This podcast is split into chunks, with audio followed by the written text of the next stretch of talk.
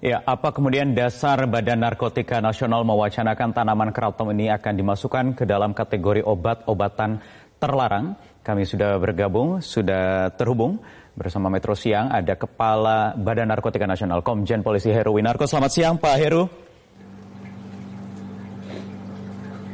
Selamat siang Mas Bayu. Assalamualaikum warahmatullahi wabarakatuh. Waalaikumsalam warahmatullahi wabarakatuh. Pak Heru, apakah benar daun atau tanaman kraton kratom ini akan dimasukkan dalam kategori obat-obatan terlarang, Pak? Oke, oke. Jadi memang uh, dalam menentukan termasuk dalam obat-obatan terlarang itu baik termasuk golongan 1, 2, 3 dan seterusnya itu uh, pemerintah dalam hal ini bukan hanya BNN tapi ada beberapa instansi yang masuk dalam tim Komite Nasional Perubahan Penggolongan Narkotika. Di situ ada Kemenkes, Badan POM, BNN, Lapor dan uh, para akademisi lainnya.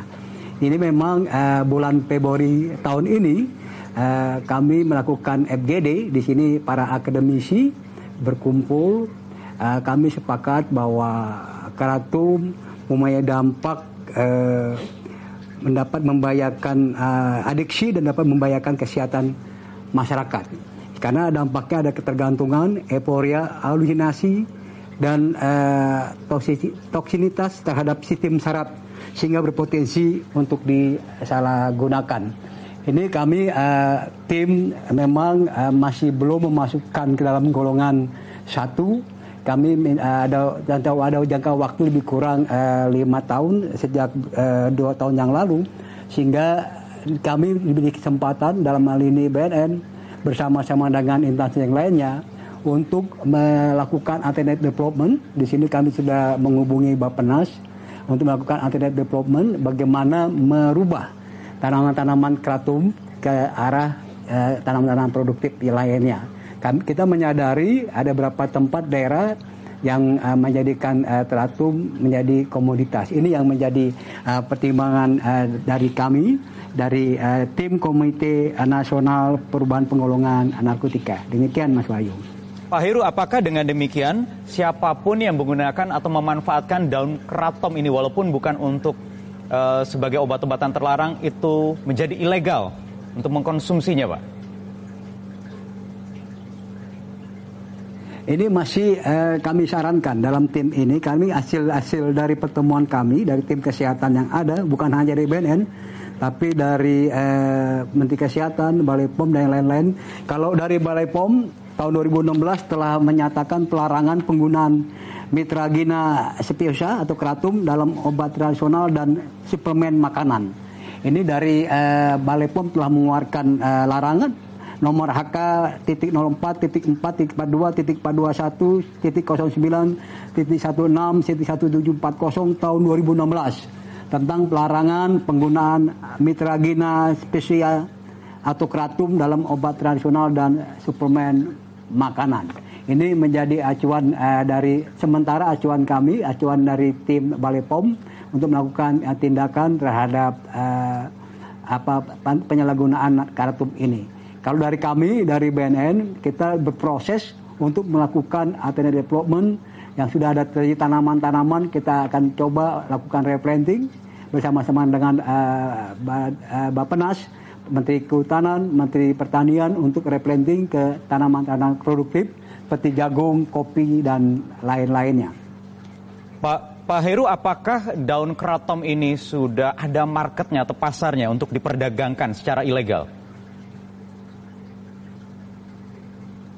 Kalau marketnya sudah ada, kebanyakan eh, yang kami tahu di ekspor ke Amerika lebih kurang 95% dikirim ke Amerika. Di sana digunakan untuk pengganti opiat. Pengganti opiat di mana sekarang pecandu lebih kurang dua, hampir 2 juta lebih pecandu eh, heroin di sana eh, kekurangan konsumtif heroin karena di pasar dunia heroin sudah jauh berkurang sehingga uh, mereka di, uh, dialihkan menggunakan uh, kratom ini untuk pengganti opiat. Ini yang yang yang yang di, memang di sana pun menjadi uh, debatable di Amerika sana antara FDA ya. dan DEA juga uh, masih uh, debatable untuk masalah penggunaan keratum ini. Ya, ada juga yang mengatakan uh, bahwa keratom ini bisa dimanfaatkan agar para pecandum opium mafia tadi itu berhenti dari ketergantungan, Pak. Benarkah demikian?